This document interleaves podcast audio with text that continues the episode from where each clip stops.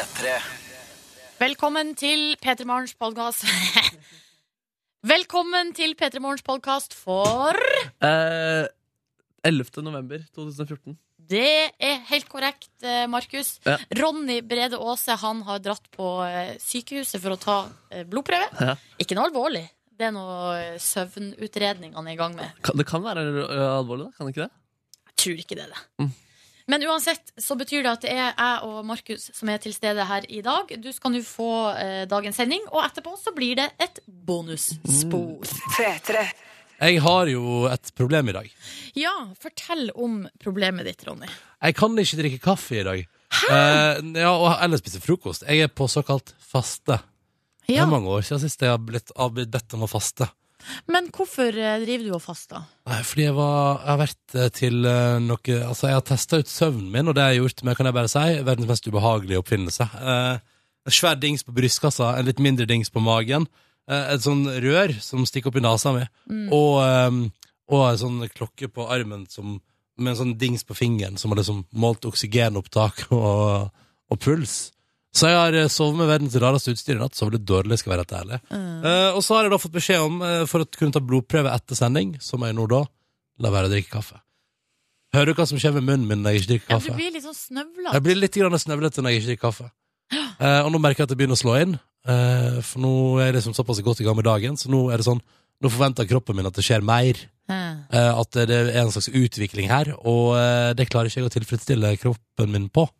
Men tror du at eh, Eller har du noen erfaring med om du kanskje kommer til å få litt vondt i hodet og sånn utover Hva pleier du å få det? Jeg drikker vann, forresten. Hvis jeg ikke drikker kaffe, ja, så får jeg skikkelig vondt i hodet. Oi! Men det er jo et tegn på avhengighet. Ja, det er klart det. Ja. Men det er jo en veldig deilig avhengighet, og Silje, det er en veldig deilig avhengighet. Men det jeg tenker, Ronny, er jo at uh, det du må bare prøve å tenke, er jo at tru så deilig den første kaffekoppen blir. Ja, ja, ja. Etter at du har tatt de her blodprøvene. Å ja, ja, ja. Halv ti, da kommer jeg nærmeste kaffebar. Eh, Da skal du se meg inn til en dobbel americano in no time. Men en annen ting jeg tenkte på var Du sendte en snap i går kveld av deg sjøl med det her utstyret Ja, hva syns du? kobla på. Nei, det så jo fantastisk ut.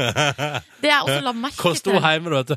Det som var, kan jeg bare si en ting om det jeg var jo på, eh, på sykehuset i går, ja. sånn i halv sju-tida, for å få festa på dette her. Og, hun- og så var jeg litt sånn herregud, kan jeg gjøre feil? Kan det liksom ligge på feil plass? Så da sa hun sånn, slapp av, jeg teiper litt ekstra. Og kan jeg bare si at det å stå opp klokka fem om morgenen og rive av eh, en haug med teipbiter som har festet seg i min Det er vel lov å si at jeg er en litt hårete fyr? Altså, det var det som var spørsmålet mitt. Oi, det var Spørsmålet mitt var hvordan gikk det i morges da du skulle rive av teipen på din hårete kropp? Det var så jævlig vondt! Ja, du har egentlig hatt vok Du har voksa deg, du, i morges. ja, fordi alle de teipbitene satt så godt på. Uh, og det verste var jo selvfølgelig brystkassa. Det, det er der jeg er mest hårete. Og det var eh, Det måtte av i natt, faktisk. Jeg våkna midt på natta av at det gnei og liksom gnissa og var så vondt. Ja. Og, det var, åh, fuck it. og da dro jeg av det der. Men da ble jeg bare liggende og grue meg til klokka fem, når jeg måtte rive av resten. Nei, dette der var å, snodige greier, ubehagelige greier, men eh, forhåpentligvis skal jeg sove bedre av det. Uh, eller, det er ikke det som skal gjøre at jeg sover bedre, men planen er å se hva er det som er galt med meg. Hvorfor snorker jeg som en hest? Og det er bra. Det er bra vi finner ut av. Mm. Eh, hvordan går det med deg der ute i dag? Har du vært borti noe, Driver du og fasta, eller er du borti noe annet interessant i dag? Du må fortelle oss om det. Vi vil gjerne høre fra deg. Uh, Kodeordet er P3, og nummeret er 1987, og da kommer du rett inn på datasystemet vårt. Eh, eventuelt kan du bruke P3 Morgen, krøllalfa, nrk.no, eller skrive til oss på Facebook. Du bestemmer sjøl. men dette er måtene du når oss eh, på. P3 til 1987. Gjerne høre fra deg. Nå er klokka to og et halvt minutt over halv eh, sju. Så vi dundrer på med litt deilig musikk fra Sam Smith. P3. Sam Smith og Stay With Me på NRK P3 fem minutter over halv sju. God morgen og god eh, tirsdag til deg, du der ute. 11. november. Det betyr eh, at eh, folk som jobber i staten som har lønningsdag i morgen, får pengene inn på konto i dag. Om ti minutter eh, det er det iallfall på min nettbank. Hva er det kvart på sju de kommer? Hos meg er det det. Dette er finstudert. Jeg har vært oppe tidlig og laga P3 Morgen i mange år. Jeg har funnet nøyaktig når de kommer. Og det er på min konto, i min bank, så dukka lønna opp den 11. klokka 6.45. Jeg satt altså på bussen eh, på vei til jobb i dag og eh, tenkte hva jeg skulle bruke pengene på. Å, ja, ja. Eh, Shop, eh, der kommer shoppoholikeren eh, Silje Nordnes fram, vet du. Den kommer fram. Og det er det som er at den her, det er ganske greit, fordi at jeg kan på en måte skru det litt av. Så hvis jeg ikke har penger, så er det ikke sånn at jeg går ut med kredittkort og går helt bananas. Men med en gang det er penger på konto, da gnir jeg Ok, meg i hendene. Nei, altså, for det første så satt jeg jo og tenkte på julegaver, faktisk. Ja, hva, hva skal jeg kjøpe, og hvem skal jeg kjøpe til? Raust. Eh, men så, eh, selvfølgelig, eh, kommer jeg ikke unna at jeg skal kjøpe litt til meg sjøl òg. Og det første Men jeg skal kan ha du ikke ønske deg til jul? Det pleier mammaen min å si når det er to måneder til jul. Dette kan du, du kan ønske deg til jul. ja, men det, det jeg, ha, jeg vet akkurat hva jeg vil ha. Ja, er og liksom- da kan du sende en link til akkurat det produktet til din bror eller din mor. Mm, Ja, jeg syns det er litt kjedelig at når jeg vet akkurat hva jeg får. Sier hun som, eh, som liten braut opp alle julegavene sine et år for å se hva hun fikk. Da var det jo ikke sånn at du syntes det var kjedelig å vite hva du fikk. For å si det sånn, jeg brøyt ikke, jeg pirka det opp, eh, og så eh, lukka de igjen igjen etterpå. Mm. Um, men ja, nei Point still the same! Men uansett så syns jeg det er artig å liksom se hva andre har på en måte funnet på til meg. Hvis ikke jeg skal gi de liksom eksakt akkurat ønske. Uansett, jeg skal kjøpe meg eh, sneakers. Joggesko. Ja. Jeg vet akkurat hvilke jeg skal ha. De er blå. Adidas.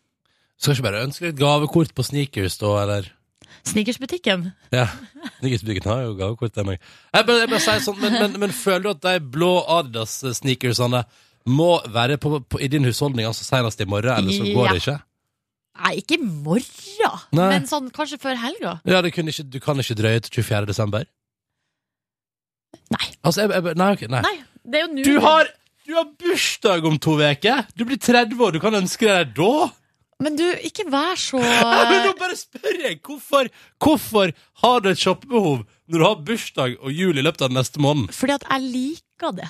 Jeg liker jo å gå på shopping. Det her prøver jeg jo å forklare, men du skjønner det jo ikke. Men, Jeg liker det skikkelig godt. men da kan du gå og kjøpe julegaver til alle du kjenner, og så kan alle Ja. du kjenner kjøpe det du har lyst på til deg. Jeg skal også gå og kjøpe julegaver. Slapp av. Kan jeg spørre om en annen ting? Betyr det at du helst Altså, hva, hva, har du gitt fra deg ønskeliste til noen i forbindelse med din bursdag, for eksempel? Jepp.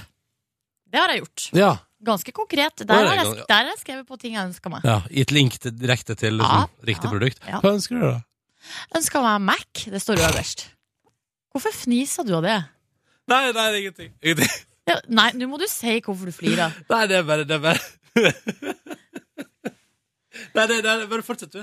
Du Nei, si hvorfor du flirer. Nei, det er bare Det er litt, det er bare litt voldsomt. Eller det er sånn Stort ønske. Jeg blir 30 år, Ronny. Ja. Ja, så kan jeg, Det går an å gi penger ikke sant, til det formålet. Det er fullt mulig. Så kan ja. jeg spytte i resten sjøl. Noe annet sneakers som Mac du drømmer om i nærmeste framtid? Ønsker meg klokke. Mm. Og så ønsker jeg meg en eh, spesiell ring. eh, som jeg ønsker meg Og Ja. så ønsker jeg Hvem meg du en ønsket deg den av? ja, Det her står på lista. Ja, ja. Felleslista. Så Er det jeg fellesliste? eh, vinglass, knivsett, vannkaraffel. Og så ønsker jeg meg skistaver, som er litt proff. Og så ønsker jeg meg Det har jeg skrevet Hvorfor, det. hvorfor er det litt proff? Nei, jeg vil ha, det var for, bare for å forklare at jeg vil ha staver som er ett hakk opp fra Ja. turstavene. Ikke noe sviksfjas der. Mm, jo jo, gjerne Swix. Uh, men uh, jeg vil ha sånne lette, Ja. uh, som har sånn der håndledds eh, Sånn der som du har rundt remma. Ja. Mm. Nei, det her var spennende du, å høre hva jeg ønska meg til bursdagen min. Ja, kjempegøy. Tusen takk for at du delte. Tenkte Vi skal ta noen tekstmeldinger snart òg, altså. Høre hvordan det går med deg der ute. P3 til 1987 med din uh, Morgen, fortell oss om den. Og så skal vi også ta en titt på avisforsiden. Altså, du skjønner, det er masse på gang her, da. Absolutt. Ja, dette er et radioprogram. Og det lever. Nå med fantastisk musikk fra Bergen og uh, gjengen som kaller seg Woodstock. Den låta er helt nydelig. Ti minutter over halv sju. Flowers. Det er tirsdag. Muse og Invincible på NRK P3. Vær så god, servert til deg på morgenkvisten. Tolv minutter på klokka sju. Og jeg som heter Ronny og Silje her i P3 Morgen, vi skal ta en titt på avisforsidene i dag, den 11. november 2014. Uh, vi kan jo begynne med uh, en sak fra forsida av Aftenposten i dag. Der eh, står det i hjørnet at leger jobber selv om de er syke.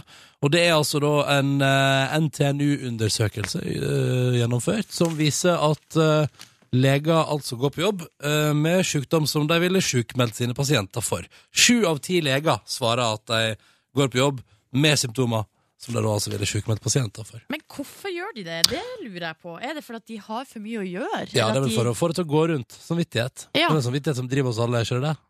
Jo, det er vel det, men det er jo veldig dumt, da.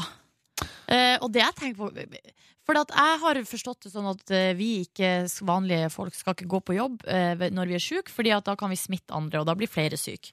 Men, Men legene vet- jo hvordan de skal medisinere seg sjøl, sånn at de ikke smitter. Ikke sant? Eh, ja, ja, de gjør kanskje det. vet ikke, jeg. Jeg har ikke peiling. Nei, ikke heller. Jeg syns det er veldig rart. Det er iallfall en sak på forsida av Aftenposten i dag. Videre så er det på forsida av VG. Jeg må si den eh, mest komiske eh, og litt merkelige saken. Og litt trist òg. Litt trist også. Det er altså en eh, justisdirektør som nå granskes fordi han har skjenka studenter i en bakrustest. Hva i all verdens navn og rike er det her for noe? Jo, eh, det er altså en fyr Han har samla eh, 20 unge studenter på en sånn fengselsskole der man blir fengselsbetjent. Der skal de ha drukket eh, vodka, sånn, eh, sånn at de skulle få 1,6 eh, i promille.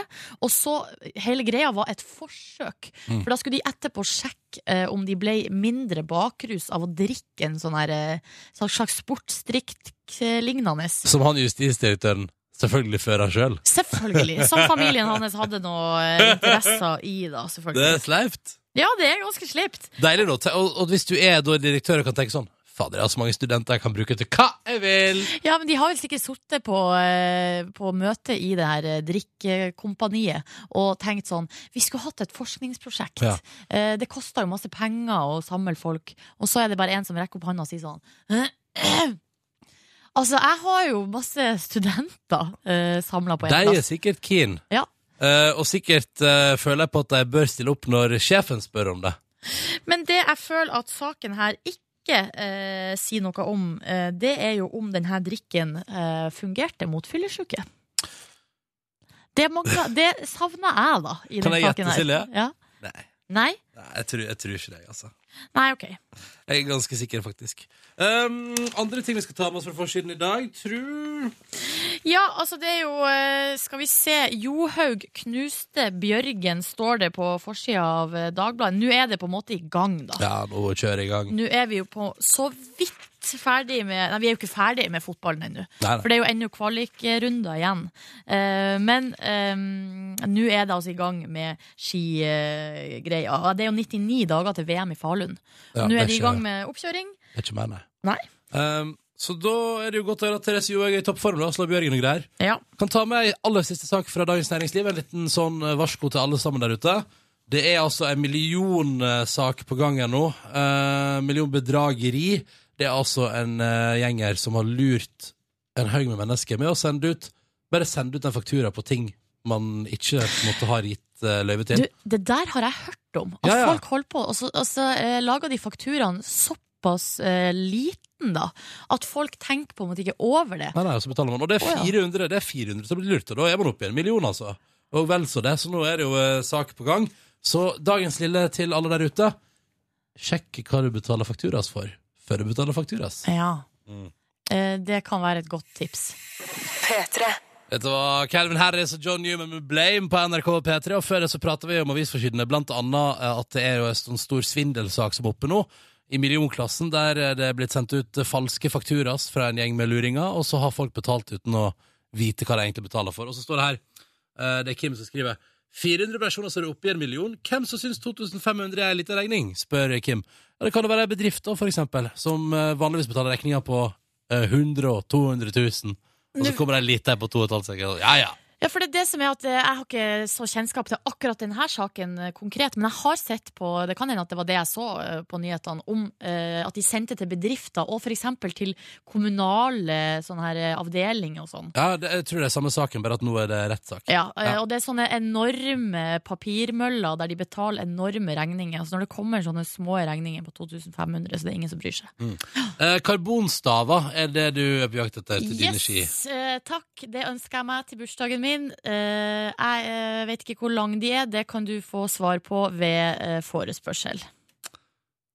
Altså til deg, for eksempel, Ronny, hvis du skal kjøpe meg staver i bursdagsgave. ja, sånn. Ja, ja, ja. ja. Eller noen andre. ja, ja, ja.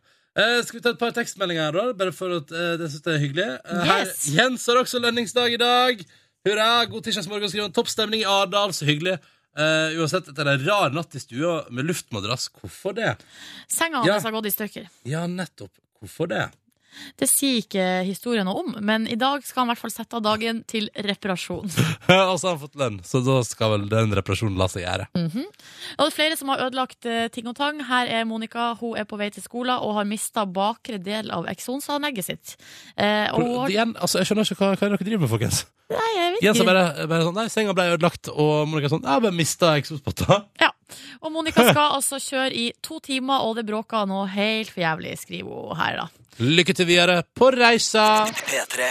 Styggen på ryggen, Onkel P og de fjerne slektningene på NRK P3. Nominert til livepris under P3 Gull. Gå inn og stem på det du mener fortjener å vinne på p3.no, og gjør det gjerne akkurat eh, nå. Dette er P3 Morgen. Jeg heter Ronny. Jeg er sammen med Silje. Jeg drikker ikke kaffe i dag, og føler at da har det ehm, Jeg føler at eh, For jeg har blitt bedt av eh, Ikke for å gå for langt inn på det, blitt bedt om å faste til klokka etter etter sending for å ta noen blodprøver.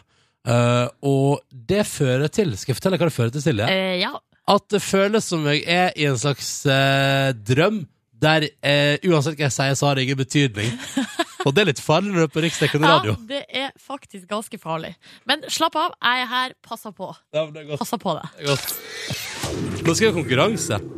Den er veldig enkel og grei. Så lenge det blir svart riktig på spørsmåla vi stiller, ja, så skulle dette gå beint fram. Helt konge.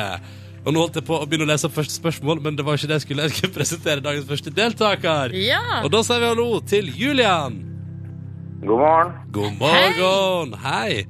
Du er 21 år og kadett på Sjøkrigsskolen, og du bor dermed på Sjøkrigsskolen i Bergen. Hvordan er livet der i dag, på en tirsdag i november? Det er stille og rolig hittil. Ja? Ingen Ja. store missions denne morgenen her? Nei, første mission er kommet opp av senga. Ikke sant? Ah. Har du sånn, når du nå, for du, etter hva jeg forstår, så har du, du har vært i Forsvaret noen år, stemmer det? Ja, Ja. i eh, to-tre år. Mm. Må du fortsatt vaske rommet ditt hver morgen? Jeg måtte det helt til jeg starta på Skjøggeskolen, men eh, nå har jeg en veldig hyggelig vaskedame.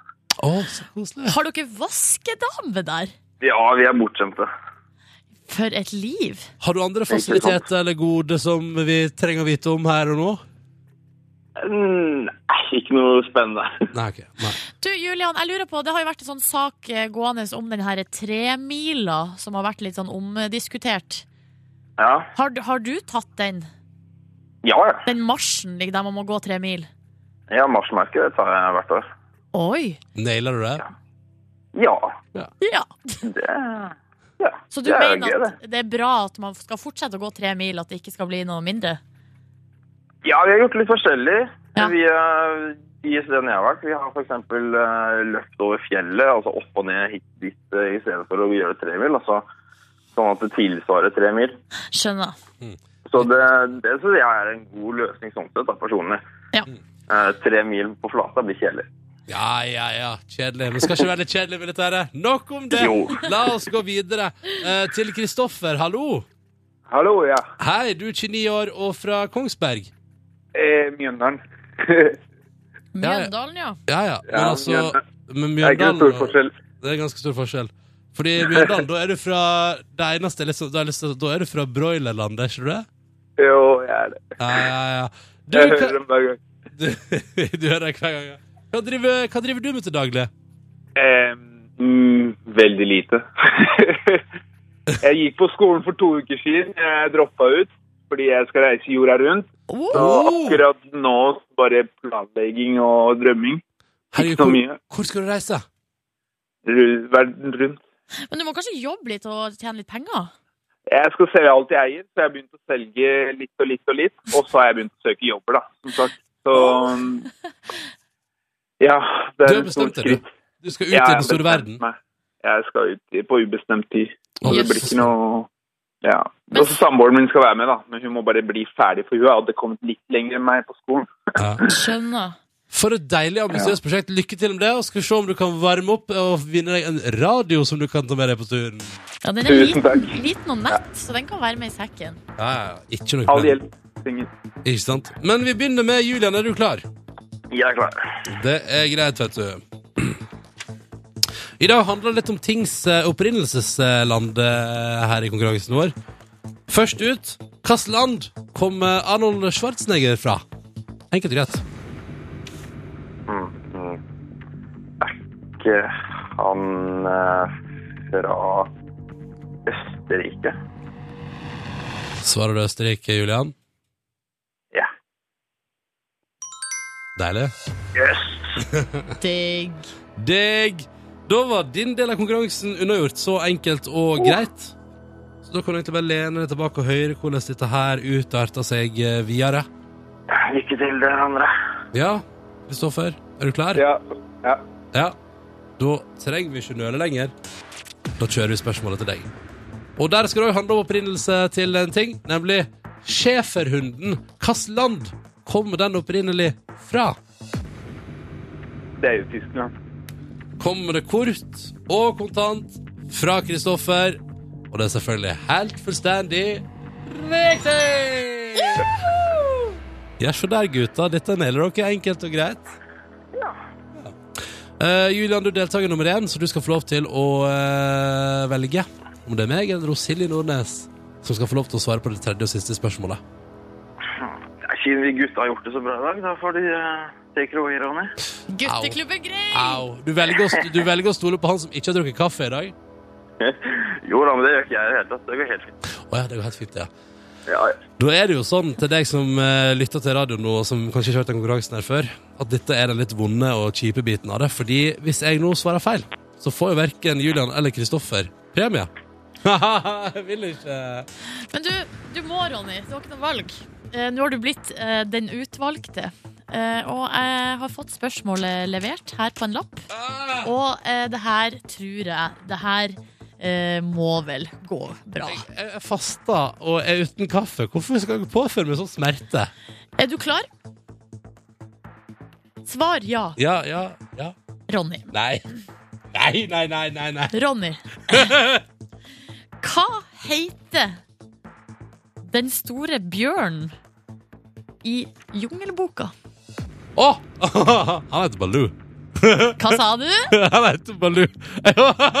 Ah, det En siste siste Det gang. hadde vært gøy hvis man sånn Hvor, kom, hva, hvor er hans opprinnelse fra? Baloo. Det er helt riktig! Ah. Selvfølgelig! Alt som gikk gjennom hjernen min nå. Ole Brumm. Ja, det var stort sett Ole Brumm, egentlig. Ja, det betyr Julian og Kristoffer at dere har vunnet dere hver deres digitalradio-T-skjorte. Gratulerer så mye. Oh. Men Kristoffer, ikke selg radioen. Nei, jeg skal ta den med. Ja. Den må du ta med deg på tur. Kan du bruke til, kan du bruke til ting. Høre på musikk og på radio og sånn. Det er fint, det. Julian, hvor skal din stå? Den skal stå på det ene rommet jeg eier, og den kommer til å fylle rommet med dere stemmer hver morgen. Ja, bra, bra. Tusen takk til dere begge to, og ha en deilig dag videre. Gratulerer så mye. Ha det! Ha det! Ha det. Oh, dette var gøy. Vi gjør det igjen i morgen, da, Silje. Ja, selvfølgelig. Eh, og hvis du har lyst til å være med, så eh, har du muligheten til det. Du må bare ringe og melde deg på. Nummeret det er 03512. Jeg gjentar 03512. Og du må ringe og melde deg på nå. Green Day og Wake Me Up When September Ends på NRK P3. Sju minutter på halv åtte, og vi skal prate om et litt uvanlig vennskap som du kan se video av på nrk.no akkurat nå.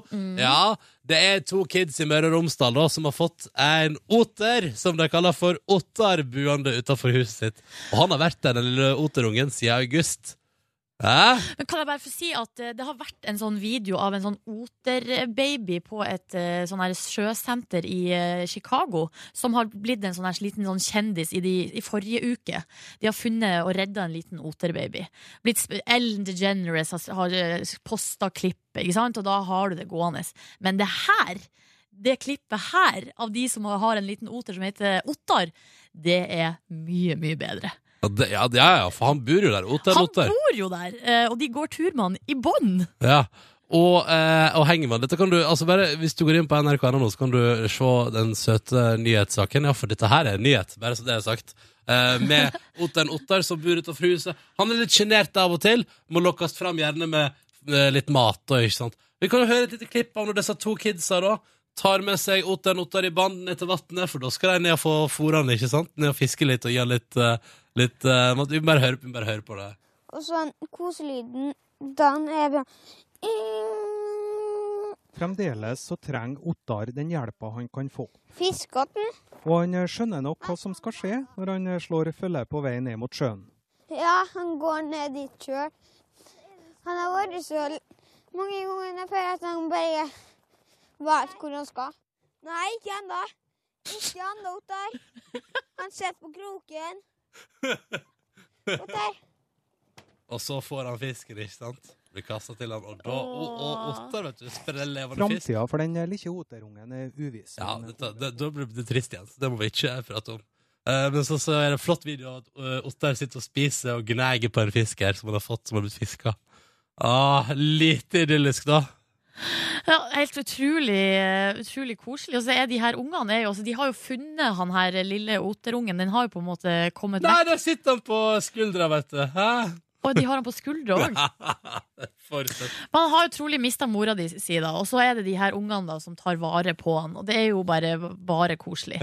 Eh, men, eh, men som alltid med sånne her saker, så vet man jo ikke hva som skjer etter hvert da når den blir stor. Jeg har alltid vært så redd for oter, jeg. Ja, tenkte hvis oter tar et godt jafs av For eksempel sitter på skuldra en dag, og så tar han et jafs av halsen. Men da sier de bare 'Nei, Ottar! Kjenn Ottar! Ikke Slutt, Ottar! sitt! Sitt!' Men denne saka finner du altså på nrk.no. Kan anbefales hvis du vil ha en liten fin video på morgenkvisten. Du kan legge den på Facebook-sida vår òg, så kan du klikke inn der. Ja, Eh, på Facebook om Petter i morgen og kose deg med Oter-video på morgenkvisten. Eh, Søt liten skapning. Og så spiller vi nydelig musikk også, fire på halv åtte. Dette er Saint Raymond og I Want You. Kongelåt på NRK P3 på en tirsdag i november. God morgen, da, du. P3 Åh, Saint Raymond, I Want You, topplåt på morgenkvisten. Og så begynner jeg å le bare jeg ser bildet av disse to kidsa i Møre og Romsdal der med Oteren Ottar.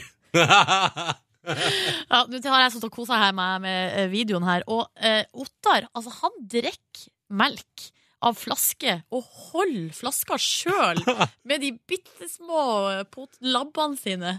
Altså, hva- Oter Ottar, altså, for en heltefigur. Hva heter eh, beina til en oter, eller føttene? Er det labba, eller er det pote?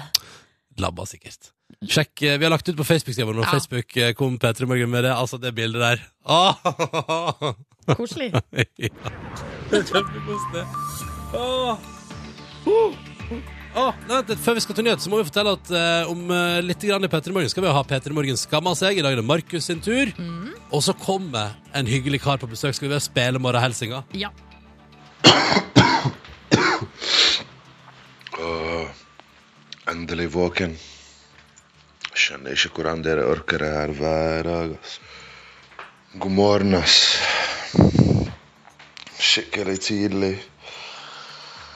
Jeg har egentlig ikke lyst til å stå opp, men jeg må, for jeg skal bare gjeste P3 i morgen, altså. Hvem var det?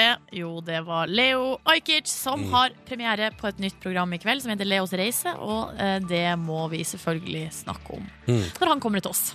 P3 Dette var Nico Vince og When the Day Comes på NRK P3 i P3 Morgen. Sju minutter over halv åtte. God morgen og god tirsdag. Og nå er det endelig på tide. Jeg heter Ronny. Jeg er sammen med Silje. Drikker ikke kaffe i dag. Syns det er litt ubehagelig. Eh, men det går bra. Og spesielt når du, Markus, har kommet inn her. Fordi det er på tide med ei spalte jeg elsker så mye, og i dag er det ikke min tur. Det er din tur. Ja, det er helt riktig. Det er tid til å skamme seg. I P3 Morgen skammer seg. Vi går inn i denne leirskolen. Klokka er tre på natten, og vi skal dele hemmeligheter. Vi kjører på.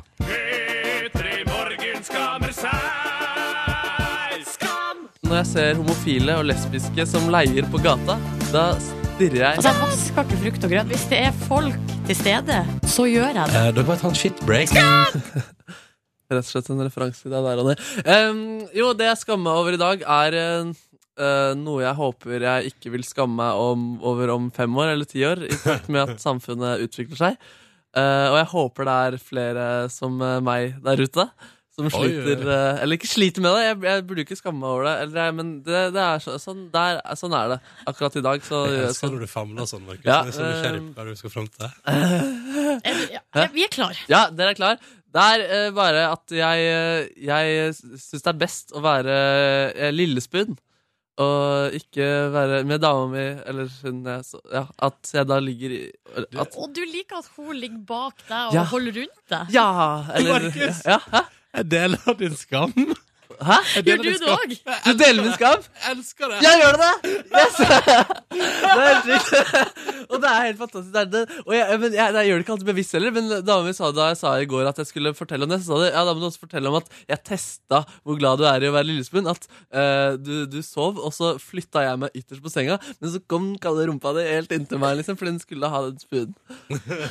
Men eh, er, er grunnen til at dere skammer dere, at dere er gutter? Ja, det er nok det. Fordi jeg har ikke det her problemet. Jeg kan være både utapå og inni uten at Ja, jeg føler noe søk skam. Søk spoon på Google, og så er det gutta som er bak og holder eh, rundt. Ja, den sterke mannen som ligger og beskytter og varmer en kald lita flis av ei jente. Det er nettopp det. Ja. Ja.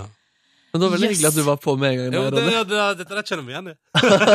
Men det her er jo veldig interessant. Da. Det kan jo alle der ute, hvis de føler en lignende type skam, bare slenge seg på. Ja. P3 til 1987 på Men kom igjen, altså ærlig talt. Alle elsker å bli holdt rundt. Ja! Holdt rundt. Jeg syns ikke dere skal skamme dere over Nei, det. her. jeg, sy- kanskje ikke. Men det, det er også, jeg syns storespoon ikke er noe digg å være heller, fordi armen ligger så kronglete. Ja, ja, ja. Sovna etter hvert òg, gjør den. Ja, ikke sant? Men er det ikke litt godt å være liksom den som på en måte Jo, men det fins beskytter? bedre posisjoner å ligge på da. Jeg liker uh, hånd på bryst. Da føler jeg meg mann. Ja, ok, at du, Mm. da er du liksom der. Ja. Men jeg har av og til følt at hvis jeg er kald, så, føler, så, så blir jeg også eh, varmere av å få varmekilden mot min uh, framside. Uh. Hvis du sånn, ja. skjønner. Ja, ja, For det, på en måte, der ligger jo organene. Det er der jeg fryser mest. Mm. Fryser ikke så mye på ryggen. Du, jeg kjenner, vet du hva jeg kjenner at jeg vil høre her? Jeg vil høre hvis det er noen som er veldig imot. Ja, det hadde vært interessant. Ja. Ja, ok, Så mener at her burde dere Skjerp. Skam dere! Skam dere! Ja, P3 til 1987 med synspunkt over dette. Det, det, vet du hva, det tar vi imot med stor glede, altså. Ah. Ja, men jeg, jeg skjønner det så godt, Markus. Ja, det er Skikkelig takk for at du var med så på, tidlig på ballen her. Altså. Becky G nå, hennes deilige nye låt på NRK P3. P3. Dette er jo Becky G, og hun kan ikke slutte å danse. Dette var Can't Stop Dancing på NRK P3. Når klokka nå er sju minutter uh, Nei, beklager. Unnskyld. Klokka er straks kvart på uh, åtte. Og det renner inn med respons fordi Markus innrømte nettopp i P3 Morgen skamma seg uh, at han elsker å være lille skje, altså Little Spoon. Ja.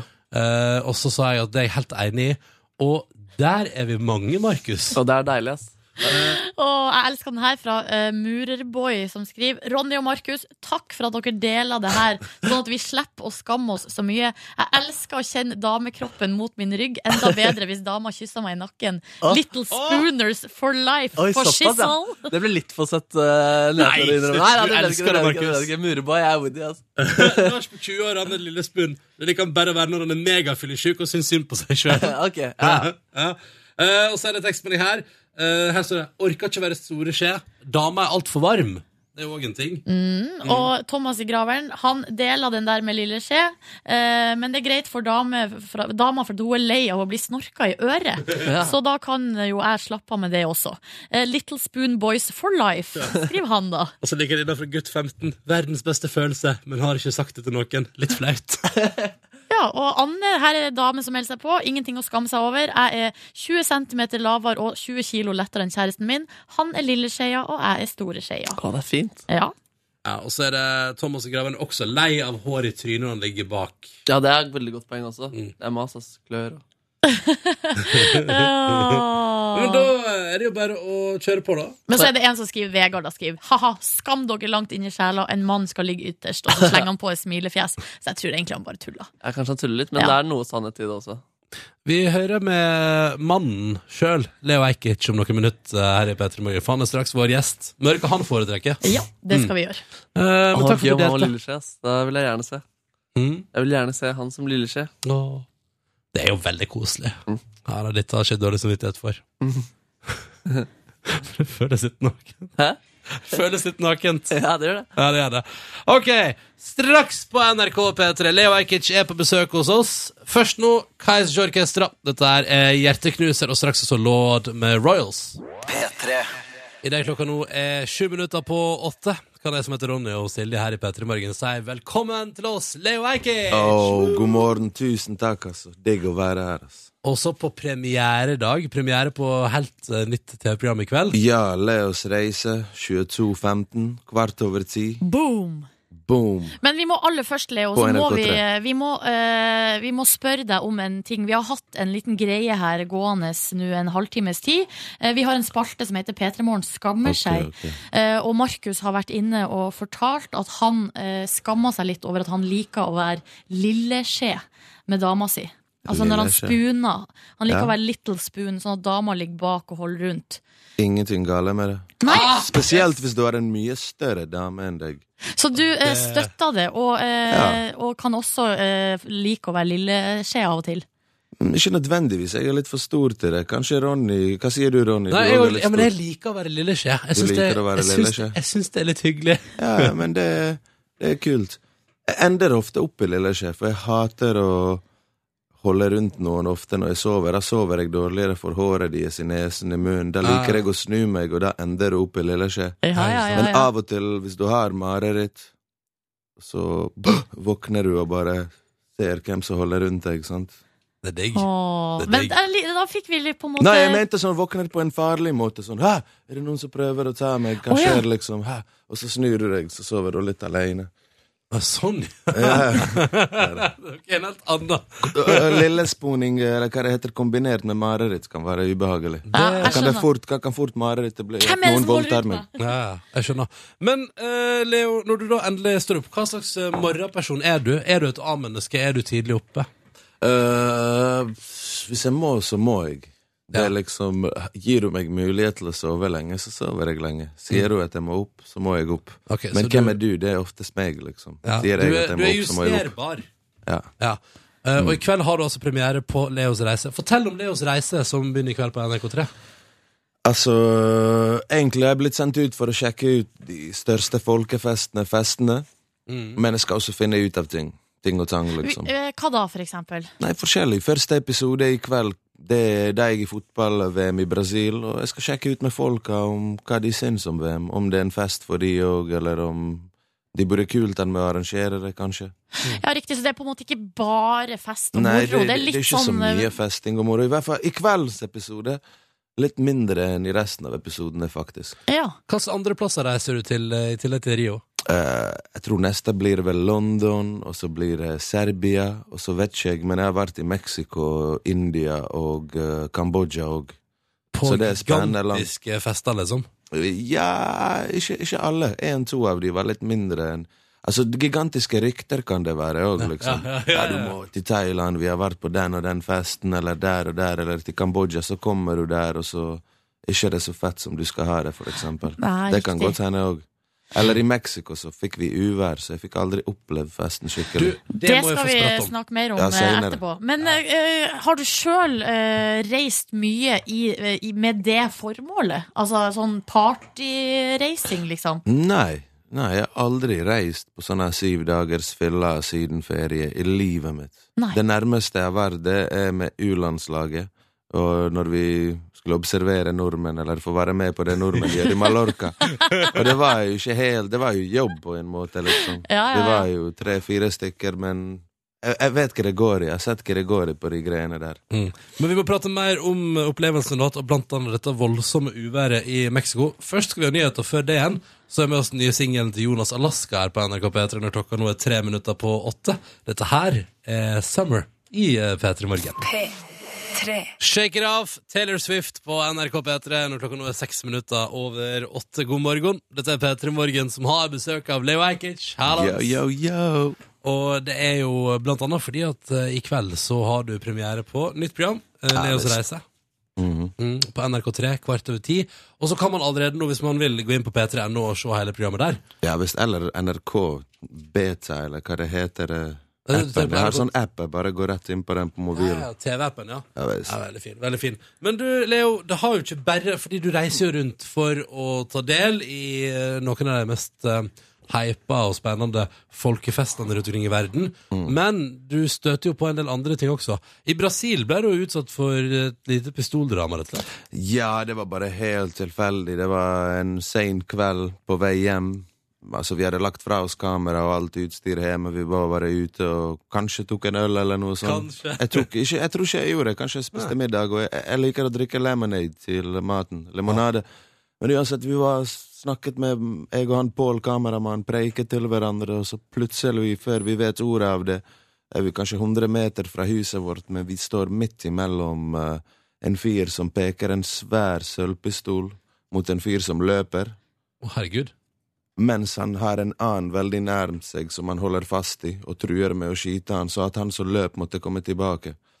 Og med en gang vi så det, vi bare, det var telepati, det var ikke snakk om hva vi skulle gjøre, vi bare tjom, tok en 180, eller hva det heter, og gikk rundt hjørnet, og sånn fire ganger venstre for å gå omvei og komme rundt en annen kvartal, kvartal og komme hjem rundt, liksom, rundt hele blokken. Men da møtte vi de folka som ble pekt på pistol med, og de bare gikk og lo og snakket, og du hadde aldri sett på dem, de hadde ikke, altså, det var ikke en, svette, en svettetåre i pannen engang. Jøss. Yes. for det er jo sånn at selv om det er eh, folkefest i byen, så betyr jo ikke det at det er bare god stemning.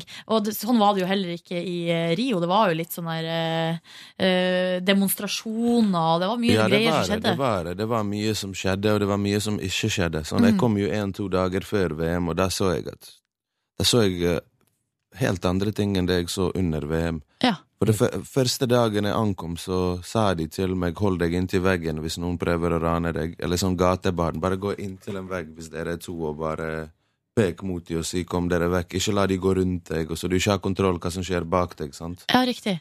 Og det første som skjedde, var sånne seks-syv gatebarn som røykte faktisk crack og sniffet lim, som prøvde å rane meg. Men de var, jeg så ikke et eneste gatebarn når VM startet. Nei, Da hadde de sikkert uh, blitt bussa ut, eller et eller annet sånt. Bussa, de har blitt bastet opp. Ja.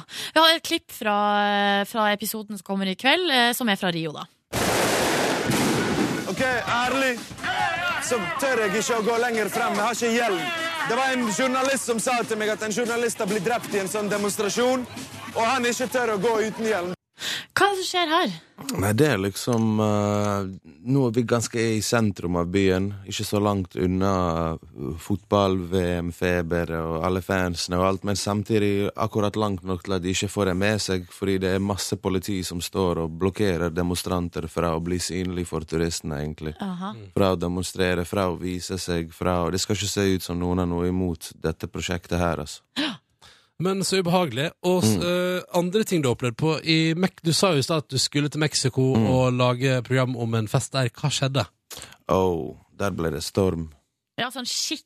Skikkelig. Det har ikke vært sånn storm på 80 år, eller jeg vet ikke, og det traff akkurat der vi var, liksom. Hva skjedde da? Nei, det som skjedde, var kaos. Det var full evakuering, og det var, det var snakk om å gjemme seg eh, under stormen. For det, det var mest over natten, da, eller fra syv-åtte-tiden om kvelden, sekstiden til neste morgen. Da var det ok. Men så begynte problemene etter det med mygg. Ja. Før det varselet som gir mygg der det var tørt. Nå var det alt vått, og det kom mygg og insekter. Uh, raning av butikker og alt sånn. Altså Plutselig var jeg og hele hotellet, og for i stabet sa til oss kom, vi må hente vann. Vi får lov å hente vann her, alle sammen. Så går vi på en svær Pepsi-lager eller et eller annet som hadde åpnet dørene, for de visste at noen kom til å rane de uansett. Men samtidig bidrar de til samfunnet fordi folk er tørst. Mm. Men det var ikke organisert rasjonering for det. Det var noen som kom med lastebil og fylte opp hele. Noen folk bærte det de kunne. Og det var bare sånn fritt frem, liksom. Ta ting. Men hvordan var det med infrastrukturen, og fikk du kontakt hjem? Og, altså, Infrastrukturen var knust. Ingen internett, ingen strøm, ingen Ingenting. nei. Ingenting. Så du ble helt isolert på et Jeg ble isolert. Jeg var, tø jeg var våt på beina i tre-fire dager. Det var så luft, mye luftfuktighet, og det var ikke sted å tørke klærne. Og, altså, hvis jeg la meg og våknet neste morgen, så var sandalene mine fortsatt klissvåte pga. luftfuktigheten, og beina hadde svømme, svømmehud når jeg ikke svømte. Når jeg bare lå i, på hotellrommet mitt. Men der var du og en kameramann. Dere var to Med en kameramann og en uh, regissør. Ja.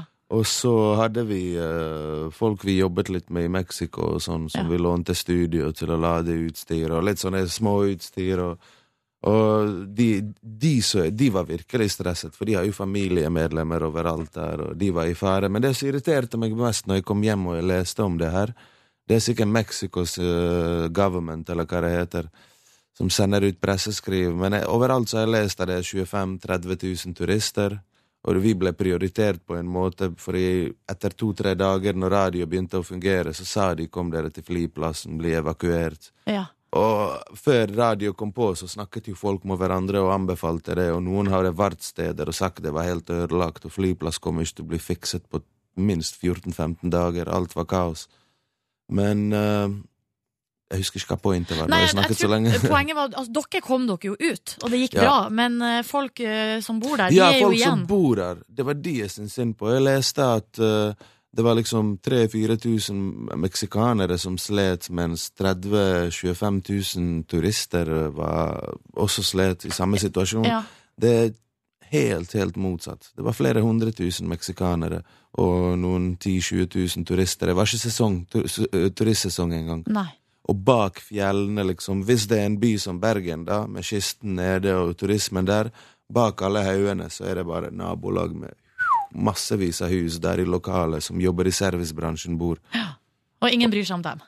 På en måte ikke, fordi at det hotellet vi var evakuert på, spurte hun vaskedamen Eller det var ikke jeg som spurte, det var en som sa til meg 'gjem pengene dine i dag', ikke la de stå på nattbordet eller noe, fordi at du vil ikke friste folk. De ville aldri stjålet, men du vet ikke situasjonen deres, du vet ikke hva som har skjedd. Og så spurte han foran meg, hun vaskedamen, hun sa hele huset hennes var blåst vekk, det er ingen hus. Men hun smilte, hun var i arbeidsdrakt, hun kom tidsnok på jobb, Ja. og eh, jeg vet ikke, livet gikk bare videre for hun, ingen brydde seg om hun. Jøsse navn.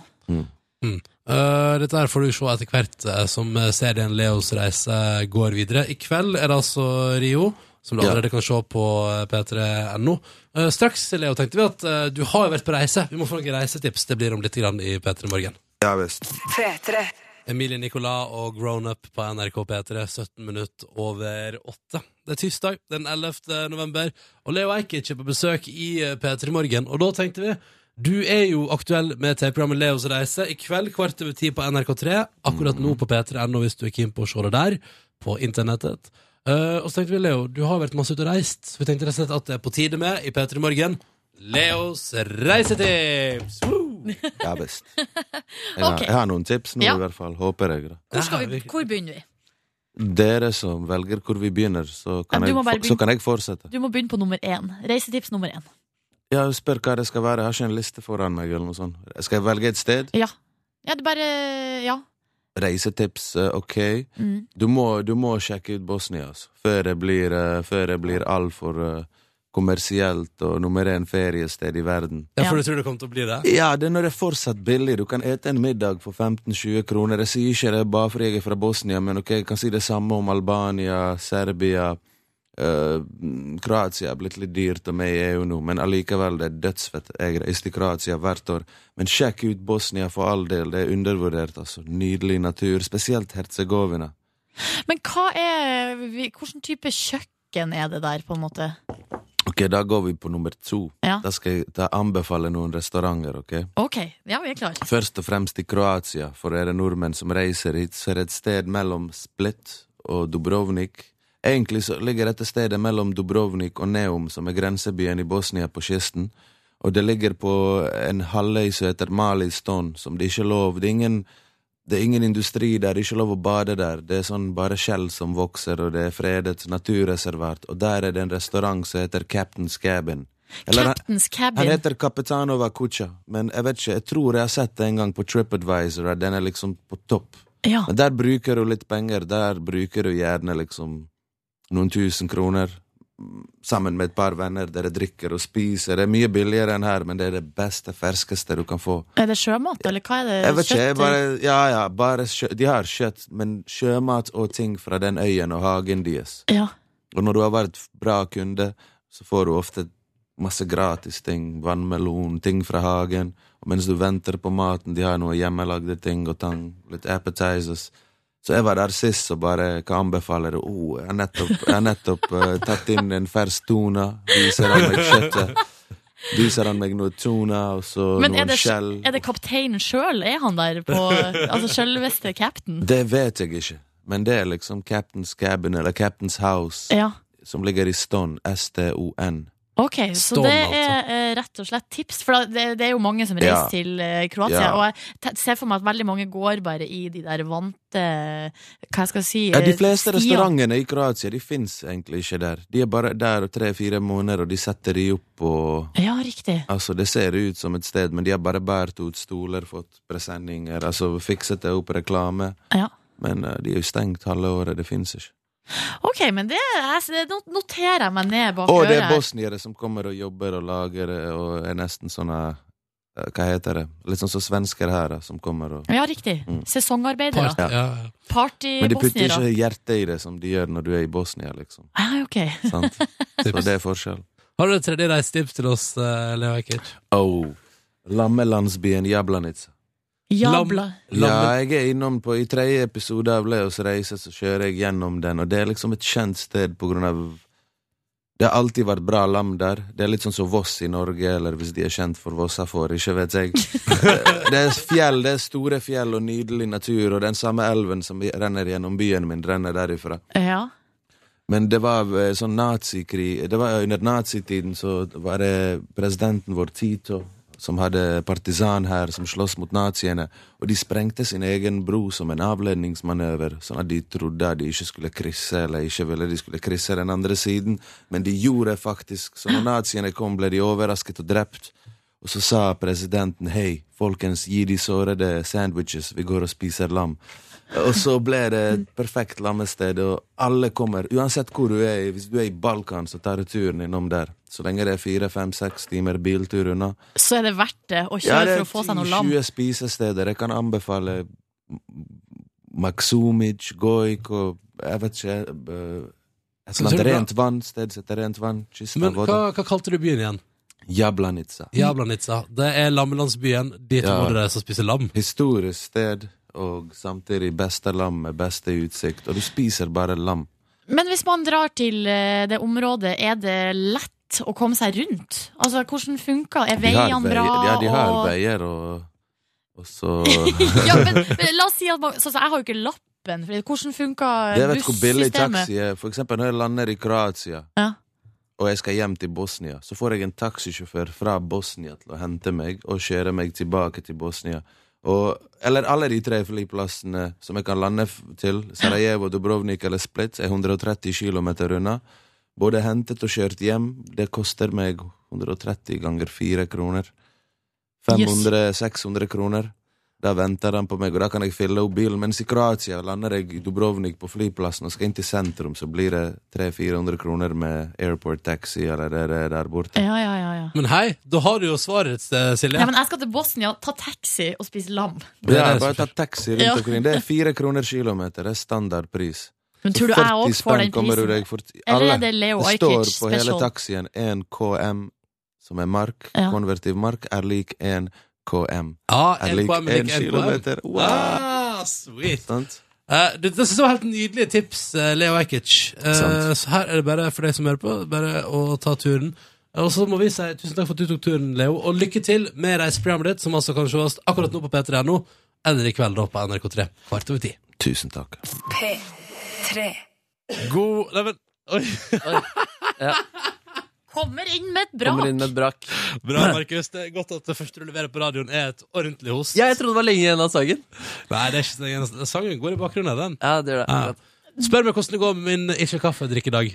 Eh, Hvordan går det med ikke kaffedrikkende i dag? Det går eh, helt middels nå. Altså. Nå, Altså dårlig, nå går det nedover? ja, nå begynner det å rakne i sjela mi. Fordi du fasta, Ronny, fordi du skal nå rett etter sending dra og ta noen blodprøver som gjør at du ikke får lov å spise og ikke lov til å drikke kaffe. Jeg spurte, jeg spurte veldig tydelig Kan jeg drikke kaffe. Sa hun dama helst ikke. Og så sa jeg men seriøst, altså, kan, kan jeg drikke litt kaffe? Helst ikke. Ja. Og så hva mener du med helst ikke? Nei, jeg skal ikke drikke kaffe. Jeg hadde Ok. sendte meg bilde i går av det maskineriet du hadde sovet med i natt, til det, det samme opplegget. Mm. Ikke- så ikke behagelig ut, det der. Nei, det var ikke behagelig å sove med. Det er en eh, søvnutredning du er i gang med, Ronny, og Ja. vi er spent på eh, fortsettelsen. Ja, Jeg er spent på fortsettelsen. Nå eh, går det over i at jeg både eh, ikke klarer å prate ordentlig fordi at jeg ikke drikker kaffe, som jeg pleier å gjøre, eh, og så har jeg begynt å få litt av det vondt i hodet som du pratet om tidligere i sendinga, Silje. Ja, det er kaffeavhengigheten som melder seg på. Men kanskje du skal begynne å spise frokost eh, når du ikke drikker kaffe? Men han fasta jo. Å, du kan ikke spise frokost heller! Nei! Og hva tror du jeg har opplevd for første gang i min eh, P3 Morgen-karriere? Jo, i dag er jeg sulten òg. Når jeg, først må faste. Og så må jeg bare si, bare si og det som er nå, at det blander seg nå med at jeg begynner å bekymre meg for at jeg skal ta blodprøve. Det gruer jeg meg til. Så her er det mye Og da tenker jeg sånn Heldigvis er du her nå, Markus. For Ja. jeg er inne i en sånn situasjon for å underholde meg. Multitalentet Markus, du kan altså spille instrumenter, du er morsom, eh, og nå er du Har du i tillegg blitt sportsjournalist. Sportsjournalist. Det har for så vidt vært en drøm eh, lenge, det også. Jeg var på pressekonferansen til landslaget i går. Ja. Og tidligere i dette programmet så har jeg lagd en Høgmo-generator. Ja. Det er en maskin du kan si vanlige setninger inn i, og så kommer de ut slik eh, Per-Mathias Høgmo ville formulert de. Ja, for han ha, har en tendens til å formulere seg veldig eh, intrikat, komplisert, med vanskelige ord. Luftig. Ja. Det meste kan, det meste kan, altså det kan bety det meste. Du, bare du setter det i en kontekst, så kan alt han sier, bety det samme, eller helt andre type ting. Og det, jeg, jeg er jo fan av han, men disse ordene er jo litt interessante, syns jeg. da. Så jeg dro på pressekonferanse rett og slett for å sjekke om han forsto ting jeg sa, som jeg hadde tatt gjennom Høgmo-generatoren. Ja. Eh, eh, ja, jo, men jeg satt meg på pressekonferansen, så bare en liten sånn stemning hvordan det var på, eh, på denne pressekonferansen. Høgmo dro på med en liten vits på slutten. Vanligvis så Eller de er ikke i Oslo lenger, disse pressekonferansene. De er utenfor Oslo. Så vitsa litt om det, så kan dere høre hvordan responsen var på det, da. Velkommen til eh, Sandvika. Vi gjør som vi pleier. Per-Mathias i plenum, og så kommer spilleren etterpå. De som er innmeldt. Vær så god, Per-Mathias. Store spenninger blir jo hvor skal dere møte neste gang. Men det skal vi holde tett om. Det er tens stemning på de greiene der. Tough crowd! Tough crowd! Tough, tough crowd. Ah, så det var jo smertefullt, og jeg følte meg ikke hjemme blant disse sport, tynne sportsjournalistene. Ja, For alle er veldig fitt og brun, har jeg følelse Ja, av. Fitt og brun og ryddige typer, da. Ja. Eh, drakk liksom Bama-juice og spiste frukt og ah, ja, det, Nei, jeg har litt sånn semiangst fortsatt, da. Um, så jeg, det jeg lurte på, da var egentlig om han, kunne, om han gledet seg til onsdag. Det var spørsmålet mitt. Uh, så tok jeg det gjennom Høgmo-generatoren, og så kom det en formulering som han brukte som et svar på forrige pressekonferanse. Dette sa han eh, på sin forrige pressekonferanse. Det er nok alltid en totalvurdering i forhold til hvordan vi, eh, vi ønsker å, eh, å fremme det, det, det bakgrunnen for at vi skal kunne eh, ha en best mulig sportslig prestasjon. Rett og slett. Så jeg gjorde det der til et spørsmål, for å sjekke om han forsto hva jeg da spurte om. ja. Um, hvilken totalvurdering gjør du i forhold til hvordan dere ønsker å fremme bakgrunnen for at dere skal kunne ha en best mulig sportslig prestasjon? En gang til, takk. Han skjønte ikke sin egen formulering. Han skjønte ikke sin egen formulering, så jeg måtte prøve å omformulere litt, og jeg ville jo ha svar, da. En gang til, takk. Eller, ja, eller på en måte, hva tenker du om utgangspunktet i forhold til å fremme rommet i dimensjonen? Ja. Gleder du deg til onsdag, lurer jeg på. Nei. Nei, ok, så, så der fikk du ikke svar på Jeg fikk ikke svar, bortsett fra fra Fjørtoft, som sa du kødder. Du kødder. Uh, nei, så, så, ja. Men uh, så sånn gikk det da jeg lurte på han. Men så lurte jeg på hvordan forstår spillerne uh, ting som går gjennom Høgmo-generatoren. Og det skal vi få høre etter en deilig liten låt. Jeg gleder meg sånn! Ja. Først inn HM This Year, og så blir det altså da spillerne gjennom Høgmo-generatoren. Dette blir spennende. P3. Dette er jo Ine Hoem og låta som heter This Year på P3 kvart på ni. Og vi er midt inni noe greier her. Fordi eh, Markus har laga en eh, Per-Mathias Høgmo-generator som gjør om helt vanlige setninger til ting eh, Til slike formuleringer uh, Høgmo ville valgt. Ja, Veldig kompliserte ordvalg og sånn. Det Ja, er vel det- det som er stikkordet. Ja, Samtidig som du kan legge hvilken som helst mening inni. Da. Så det er jo uh, enkelt på sitt vis også. Mm. Eh, du, vi hørte jo i stad et klipp av at du var på pressekonferanse med Per-Mathias Høgmo i går, Ja. og stilte et av hans gamle utsagn til han på nytt som et spørsmål. Men det var ikke bare landslagstreneren som var på pressekonferanse, Markus. Nei, det var noen spillere der også. Og blant annet landslagskaptein Per Siljan Skjelbred. Eh, Så jeg tok noen spørsmål gjennom eh, Høgmo-generatoren. Og jeg, jeg gikk rett til homoen først. Jeg var litt nervøs, jeg hadde en del alternativer, men jeg gikk rett til homospørsmålet. Så får det gå. Eh, Så jeg spurte han hvordan er, det, er du åpen for homofili. Og så tok jeg det gjennom Høgmo-generatoren, og det ble slik. Jeg lurer på, Hvordan vurderer du situasjonen din i forhold til evalueringen av villige utøvere på samme lag? Av hva, sa du? Av, og det, hvordan du evaluerer situasjonen din i forhold til evalueringen av utøvere på samme lag? Oi, nei, det var et godt spørsmål. Eh, evaluering av mine medspillere eller motspillere? Eller? De på samme lag. På samme lag? Nei, jeg tror det er en veldig fin gjeng. Veldig fin gjeng der. Ja. Så litt positiv. Jeg følte jeg fikk ikke helt det svaret. Så jeg måtte, jeg måtte oppklare spørsmålet litt. Grann. Ok. Altså, det er ikke så mye negativt å si. Nei, Men det er åpne for dem? Ja, om jeg er åpne for mine medspillere? Eller de som er på samme lag. Om evaluering? ja. ja, sånn, ja, ja. Altså, vi evaluerer jo hver trening og alt som vi gjør i, i hverdagen, så det er vi jo. Så han skjønte ikke spørsmålet, så jeg måtte bare get straight to it. Hva er du egentlig på le- le- seksuelt? De på samme lag? Du er, ikke- det er, ikke- de på samme lag seksuelt? Nei, nei, det gidder jeg å spørre om. Det Det, det, var et dumt spørsmål. Dumt. Jeg har jo to barn og kone, så jeg er veldig rolig, egentlig. Han er veldig rolig, egentlig. Så der fikk jeg et svar til slutt, da. Har Per Sil Siljan Skjelbreid to barn? Ja, rett og slett. Det fikk vi også Er ikke han 19 år? Han er godt oppe i 20-åra, han. Men altså, har ikke Jordan Arne Riise barn også? Jo da. Jo da. Jo da, jo da. Ja. Fotballspillere har barn! Ja, for de også. Ja, men jeg bare tenkte at uh, Per Siljan var så ung.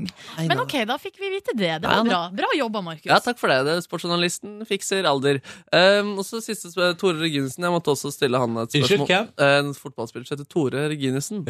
Om han, um, eh, om han er deprimert. Eh, hvor lenge har de tilstedeværende parametrene vært eh, framtredende? Nei, det er bra Siljan har svart på den der. eh, slipper jeg å gjøre det. Men du er, du er ikke deprimert? Nei. Nei, det. Så de skjønner ikke det som har gått gjennom Høgmo-generatoren. det, Litt rart, siden eh, de antageligvis omgås litt med Per-Mathias Høgmo. Altså, de er vant til den typen ordbruk. ja, så gjør det så bra også, spiller så kul fotball også, så det er jo veldig rart hvordan de kommuniserer.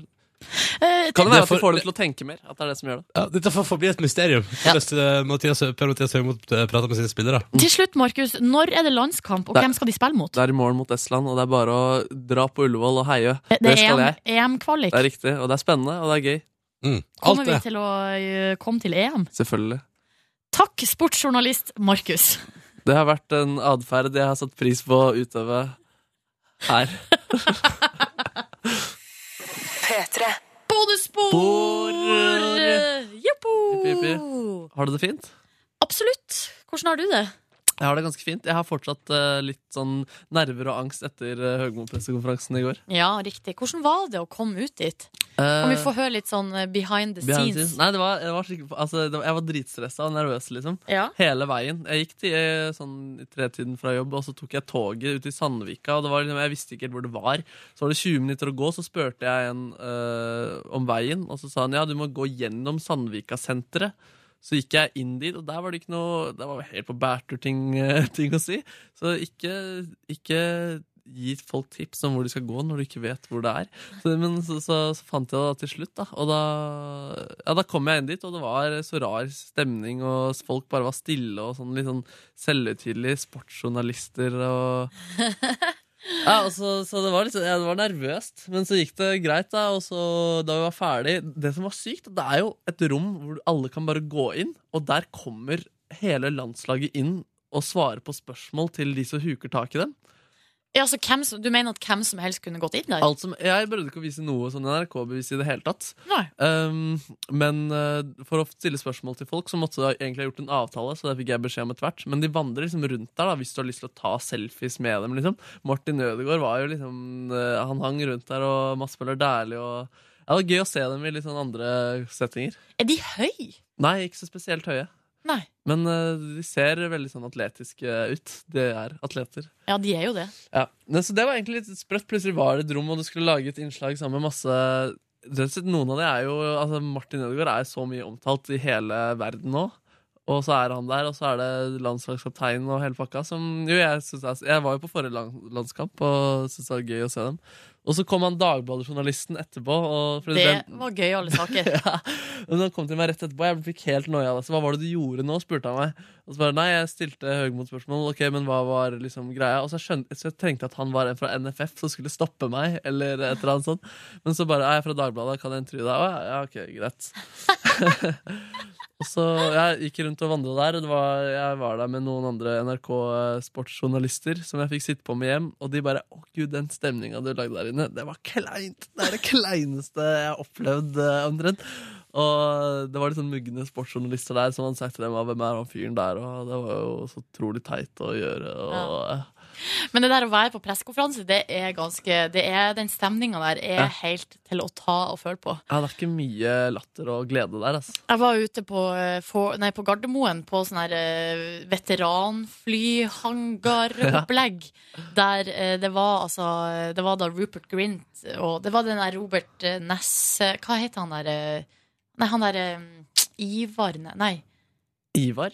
Nesse. Nei, det er en sånn eh, norsk regissør som lagde den der eh, filmen Into the White. Med Rupert Grint og noen andre britiske stjerner. Det var noen tyske stjerner òg, som handla om det her tyske Nei, det, det eh, britisk fly som ble skutt ned. Ok. Og så var det noen britiske soldater og noen tyske soldater som ble fanga i uvær i ei sånn hytte i lag. Ja. Basert på ei sann historie. Yes. Men jeg var jo da på pressekonferanse der ute da de skulle lansere denne filmen. Og da var det så komisk, for jeg var jo der kun av Rupert Grint. Altså Ron Weasley fra uh, Harry Potter. Ja. Og så eh, var det en sånn gammel krok av en kar. Nei, altså i tillegg, på pressekonferansen, da satt alle de her uh, skuespillerne og uh, regissør, pluss en gammel veteran som hadde vært En tysk veteran som, som hadde vært der. Eh, I ekte liv, er liksom. Eh, og en gammel krok. Og så var det en fyr fra Aftenposten, en eh, journalist, som snakka tysk. Som var, som var veldig opptatt av den historien om krigen og sånn. Ja. Så han på en måte satte jo i gang hele ballet med å stille spørsmål på tysk, og det handla bare om eh, krigen og sånn. Ja. Så kommer jo jeg, da, med sånn herre Well, yes, uh, Rupert Grint, uh, eh, what do you have for breakfast? Oi. Og, og bare sånn idiotiske spørsmål. Men du fikk stille flere spørsmål? Selv om de Ja, ja, jeg, fikk, eh, jeg tror jeg fikk stilt tre. Da var jo de vanlige What do you think about Norwegian girls? Ja. Og eh, What do you have for breakfast? Og What do you sleep in? Og så sa han jo at han sov naken. Ikke sant? Oh. Så det var stas, altså. Det var ikke noen sure miner blant folk da, nei. Nei, men du merker altså, du, Og det er så komisk, de her eh, som var ansvarlige for pressekonferansen, de ble sånn herre Altså sånn der livredd for at noen av eh, skuespillerne eller at noen skulle synes at det var ekkelt. Da. Ah, shit. Ja, Min ga bare den ja, morsomt, fint forsøk, eh, vi går videre. Og så ropte jeg et nei, stopp, og Fjørtoft som bare var så sur. Og jeg skjønner ikke hva Fjørtoft gjør der, egentlig, men han er, han er der nå. Er ikke han hjelpetrener eller noe slag? Kanskje han er det han er. Jeg, jeg, vet- jeg vet, jeg vet Jeg vet ikke da. Det visste ikke det sportsjournalisten heller, men han er da en profil som uh, kanskje er kult å ha rundt seg. da Stille opp. Stille opp. Stille opp på pressekonferanse. Ok, men hva, eh, når var du hjemme da fra konferansen? Kanskje sånn syv-tiden. Um, ja, da var jeg Jeg gikk til dama mi som da lagde meg lasagne mens jeg prøvde å samle tankene. Uh, så på to episoder Mad Men, de siste av sesong fem. Oh, utrolig bra. Jeg gleder meg til å åpne sesong seks allerede. Um, nei, altså Det var liksom preget hele tiden av liksom postangst etter det greiene Etter pressekonferansen. Jeg var redd for hvordan Dagbladet-saken skulle bli, og om, eh, om Høgmo uh, om, om jeg skulle framstille Høgmo skikkelig dritt. Fordi jeg liker han jo, jeg syns han er en bra trener. Ja. Um, Men det syns jeg ikke du gjorde. Nei, jeg syns det kom fint fram. Ja. Uh, så jeg var fornøyd med den saken da den kom. Og da kunne jeg sovne litt uh, tryggere. La du deg i lille skje, Jeg la meg i den lille skjeen der, ass. og så la kjæresten sin armene sine rundt deg, så var det god stemning. Og så lagde jeg sånn mm, lyder. Koselig. Koselyder. Ja. Nei, så det var, eh, Dagen var egentlig preget av, eh, av Høgmo- Høgmo-relaterte greier. Og er det fortsatt. Jeg kjenner det faktisk litt i kroppen fortsatt. At det var en eh, opplevelse. Ja, det, og det som eh, er litt eh, spesielt med det òg, er jo i hvert fall som radioreporter, så er man jo alene. Ja. De som er på TV, har jo med seg en fotograf, Ja, ja. gjerne. Og da føles det litt sånn tryggere. Veldig sant, ass. Og så har man noen å prate med, noen å le med, men hvis man, og noen å, å debrife med Ja. etterpå. Jeg var med fire sportsjournalister fra NRK, fra de som lagde sportsinnslagene på Dagsrevyen i går. Og det som var gøy, var at han ene satt ved siden av meg, så han skulle stille et seriøst spørsmål, men han fikk ikke stille spørsmål, selv om det var mer enn ti, fordi han satt ved siden av meg. Nei! Han ble med meg litt på den etterpå. Men han fikk, en, han fikk saken sin. Lagde for så vidt en morsom sak om eh, dagens landslag ville slått eh, 1998-landslaget. Ja, det så jeg lå på nrk.no. Da Ja. var det noen som sa, mente på at det ville de gjort. Ja, ja, samtlige av nye spillere. Fjørtoft ville ikke uttale seg. Da. Han ble litt sånn Nei, herregud, selvfølgelig ville vi slått dem da, men det her vil jeg ikke uttale meg om. Så det, det, de har konkurranseinstinkt, de gutta der. Altså. Ja, det har de. Ja. Hva med din dag, da? Yes. Nei, i går var det jo den store husmordagen eh, for Ja. mitt vedkommende. Ok. Og det er litt sånn der eh, Veldig ofte så planlegger jeg så utrolig mye, så jeg må, og så må jeg bare pick my battles. Pick, ja. så i går hadde jeg egentlig planlagt å trene i tillegg til det andre jeg gjorde, men det ble altså da uh, utsatt til i dag. Ok. Fordi jeg dro rett fra jobb, så dro jeg til ei venninne som jeg ikke har sett på veldig lenge, og mitt uh, gudbarn, eller mitt fadderbarn, Ja. Som da har blitt seks måneder, er det ble blitt. Han har jo blitt en svær plugg av en fyr. Å, yeah. Han Faen, det stort å være fadder som bare er venninne, liksom. Ja, men veldig jeg, jeg er det til to nå, da. Creds. Det syns jeg er hyggelig, ja. Ja. ja. Og bare tok en kaffe og skravla. Jeg har ikke sett henne siden før jeg dro til Trondheim, faktisk. Eh, og jeg har ikke sett han heller. Og de vokser altså så vanvittig fort i den alderen her. Ja. Og nå var han litt sånn redd for meg. Det var jo ikke positivt. Fordi han har blitt sjenert, eller? Ja, jeg blitt sjenert, og så hadde han ikke sett meg på så lenge, så da var han litt sånn skeptisk. Ja. Så eh, det er jo tegn på at han burde være der mer. På dåpen på søndag som jeg var på, og også var fadder, så ble vi oppfordret av presten til å både be og se, den mån se ungen månedlig og sørge for at den er opplært i den kristne tro. Ja. Hvordan uh, arbeider du der? Nei, foreløpig ganske rolig. Ja. Han er jo så liten. Ja. Eh, og jeg, tror, jeg vet ikke om jeg skal gjøre noe aktiv rolle der, eh, egentlig. Må se det litt an, Ja. hvilken type han er. Hvis han er mottakelig for eh, det. Ja. Nei, altså, vi har, ikke, vi har ikke så mye religiøs eh, prat i familien min, men da fadderen min faktisk i konfirmasjonen sa at hun hadde bedt for meg gjennom hele oppvaken, selv om jeg på en måte Da var jeg religiøs, da. Ja. Så var det, jeg synes det var litt hyggelig og fint. Mm. Kanskje jeg skal lyve på det Det er jo bare et tegn på at man eh, bryr seg om ja. om vedkommende. Mm. Mm. Unnskyld meg, jeg måtte bare drikke litt. Ja.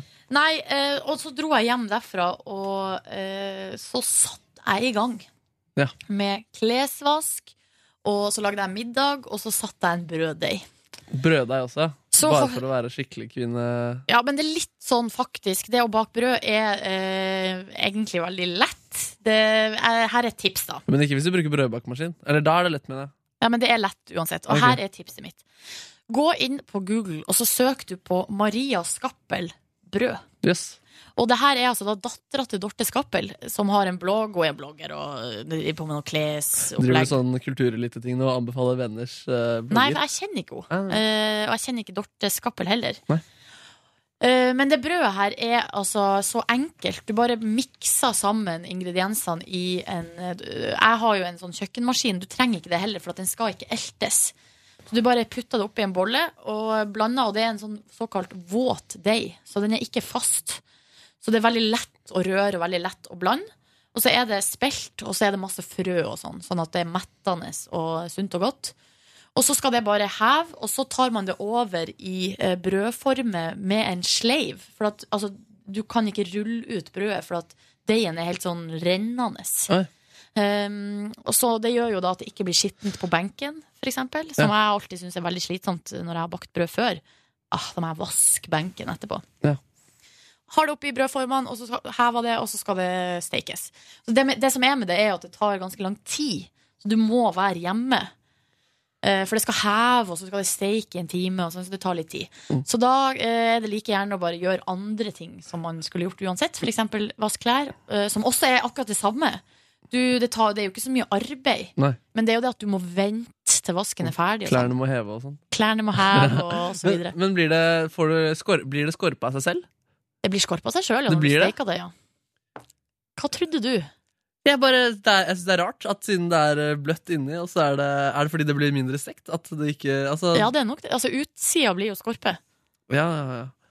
Men hvis man steker det dritlenge, så blir hele skorpe, da. Ja, da skal det stekes lenge. Okay. Da får du bare en gigantisk kavring. Shit, kan mange vaske mange klær, da. ja, hvis du lar det steke så lenge. Oh. Så, eh, så spiste jeg bare middag og så liksom på te. Altså jeg på en måte hadde pitstoppa innom sofaen da, gjennom hele kvelden. Ja, du får tid til mye i løpet av dagen. Ass. Ja. Og eh, jeg, altså, det var på en måte det jeg gjorde. Så til slutt så, så jeg på Øyevitnet, Mm. som jeg må si er en så bra serie. Jeg liker den skikkelig godt. Ok, jeg har ikke sett det. The plot thickens. Hvor mange episoder har det gått? Nå har det gått fire. Det ligger jo på nett-TV, da. Ja. På NRK nett-TV, og så er det to episoder igjen. Og det er jævlig spennende, altså. Ja, vil du liksom anbefale det istedenfor å se en amerikansk eh, suksessfull eh, serie? Jeg, jeg tenker sånn, hvorfor må du velge? her er det bare seks episoder, eh, og eh, det står ikke tilbake for noen ting. Halvtime episoder. Eh, nei, en time. Og det er jo ikke en kommersiell time, det er en hel time, Ja. fordi det er ikke reklame og sånn på Ja, det er mye TV, da. NRK. Ja. Men det er veldig spennende. Og okay. i, i går så var det nok, nok en utvikling i plottet. Ja. Det ble Og så- to øyevitner. Eh, og så er det jo de her to guttene som har en slags eh, eh, for, kjærlighetsfull forkjærlighet for hverandre. Som jeg det liker jeg. Altså, den storylinen der Ja. treffer meg rett i hjertet. Altså, eh, fordi du kan relatere deg til det i større grad? Ja, rett og slett. Ja. Mm. Men jeg tror alle kan relatere seg til det å være liksom 17 år og dødsforelska i noen, og så kanskje at det nødvendigvis ikke blir gjengjeldt, eller at det på en måte ikke går sånn som du har tenkt. da Definitivt. Det er veldig universelt. Så jeg kosa meg veldig med det, og så, og så gikk jeg og la meg. Så fletta jeg håret mitt. Hva syns du om flettene mine i dag? Det er veldig fint. Det har vært ukommentert eh, i hele dag. Ah, Ronny har ikke sagt noe om det heller? Nei, men han bryr seg ikke om sånt. Jeg syns fletter er skikkelig fint. Og det er den enkleste sveisen. For jeg fletta det på kvelden. Det her tok altså da ca. sju minutter. Ja. Og da Nå skal jeg trene i dag, da, så da må jeg vaske håret mitt. Men eh, normalt sett, så hvis jeg ikke trener, så kan jeg flette håret mitt, så kan jeg gå med det i mange dager. Altså, Og da står jeg bare opp, og så trenger jeg ikke å gjøre noe. Men hva med sånn eh, vanlig sveisen? Hvor mye må du forberede den? Den må heller ikke forberedes så mye, men den er mer avhengig av at håret er rent, f.eks. For. Ja. for med en gang, da, hvis det har gått en og en halv dag, så, så på en måte begynner det å se ikke bra ut. Jeg husker eh, med fletter at eh, det var en sommer, eller flere somre, hvor jeg kunne faktisk bare bli forelsket i en jente. Bare hun hadde en sånn liten flette som gikk eh, Gjerne var kanskje brettet sånn, eller lagt sånn inn langs hodet. Ja. Eller hang sånn en, en liten sånn det, det var søtt. Og da var du solgt. Ja, men jeg trodde ikke jeg Hvis hun hadde stygt trynet, så godtok jeg nesten det. Ja, det, det var fint. Jeg husker det var noen som hadde det. På fletta. Fletting er bra. Fletting er bra. Fletting er bra. Hva mer eh, har vi å snakke om her, da? Skal vi ta noen eh, Vi kan ta noen mailer vi har fått. Ja, gjør det. Har vi fått noen mailer, egentlig? Ja. Ja. Jeg har full kontroll. Skal jeg gå inn i eh, Skal vi se her. Skal vi se. Ja. Magnus lurer på Er det enkelte deler av programmet dere liker best å jobbe med, og slash eller er det deler av programmet dere er mest fornøyd med radiofaglig sett? Personlig liker jeg det meste omtrent like godt, eh, men det er en del av programmet jeg syns er mest imponerende. Det er den delen der dere har gjest. Eh, selv om jeg av og til syns det er kjedelig gjest, så blir det nesten alltid interessant og underholdende uansett. Um,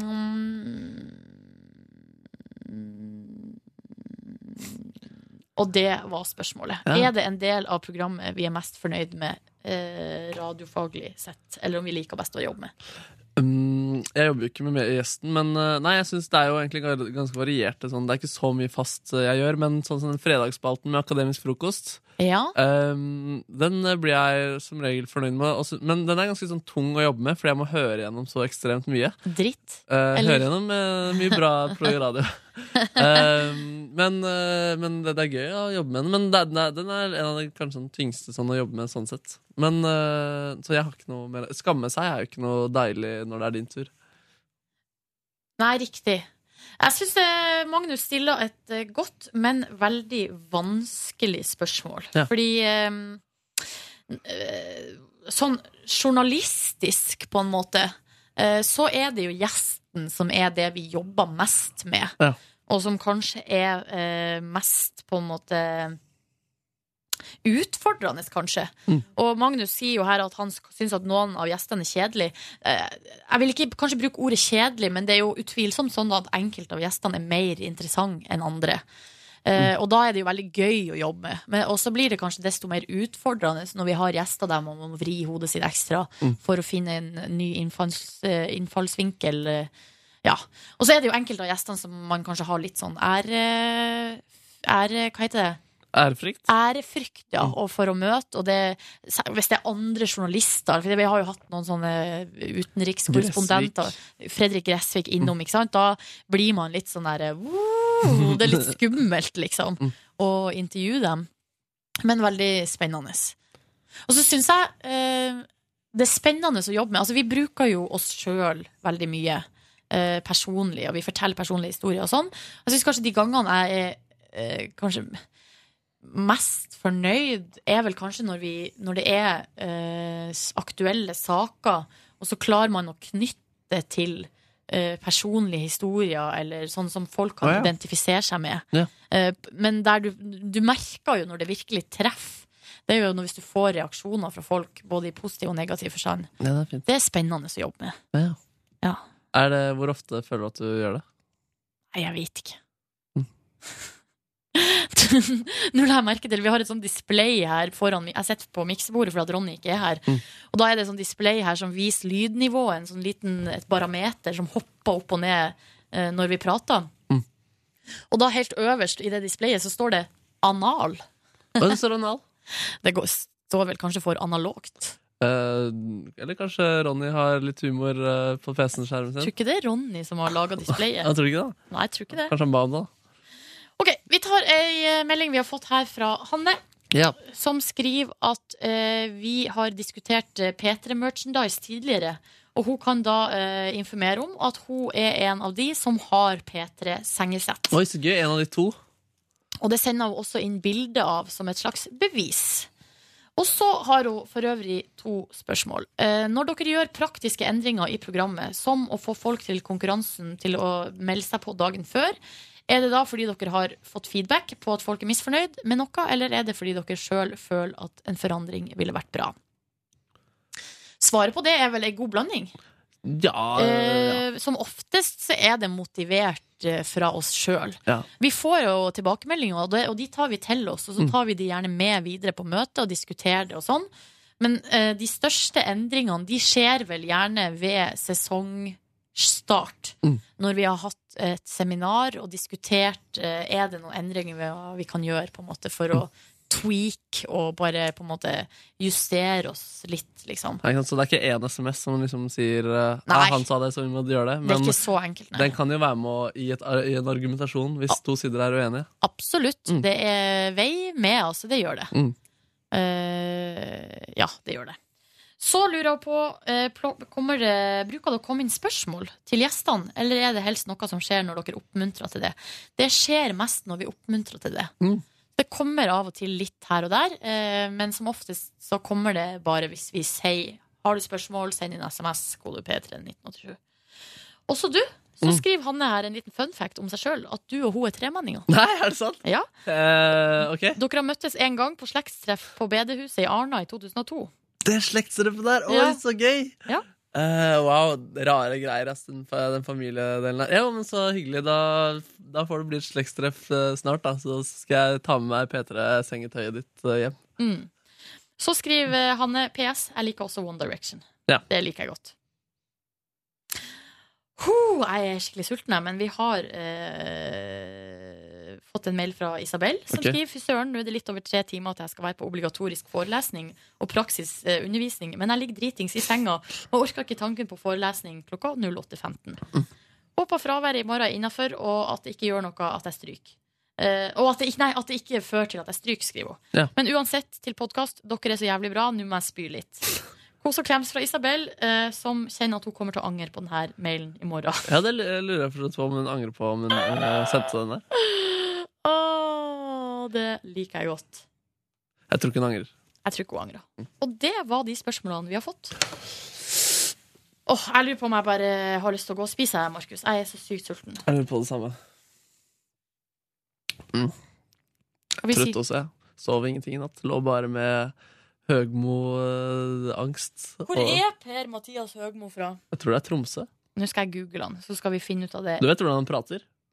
Ja, men eh, det er jo litt vanskelig med oss nordlendinger, særlig hvis vi har bodd i perioder utafor Å ja, så du klarer faktisk ikke å gjenkjenne forskjell på Tromsø og Bodø og sånne ting? Jo, jo, jo, jo.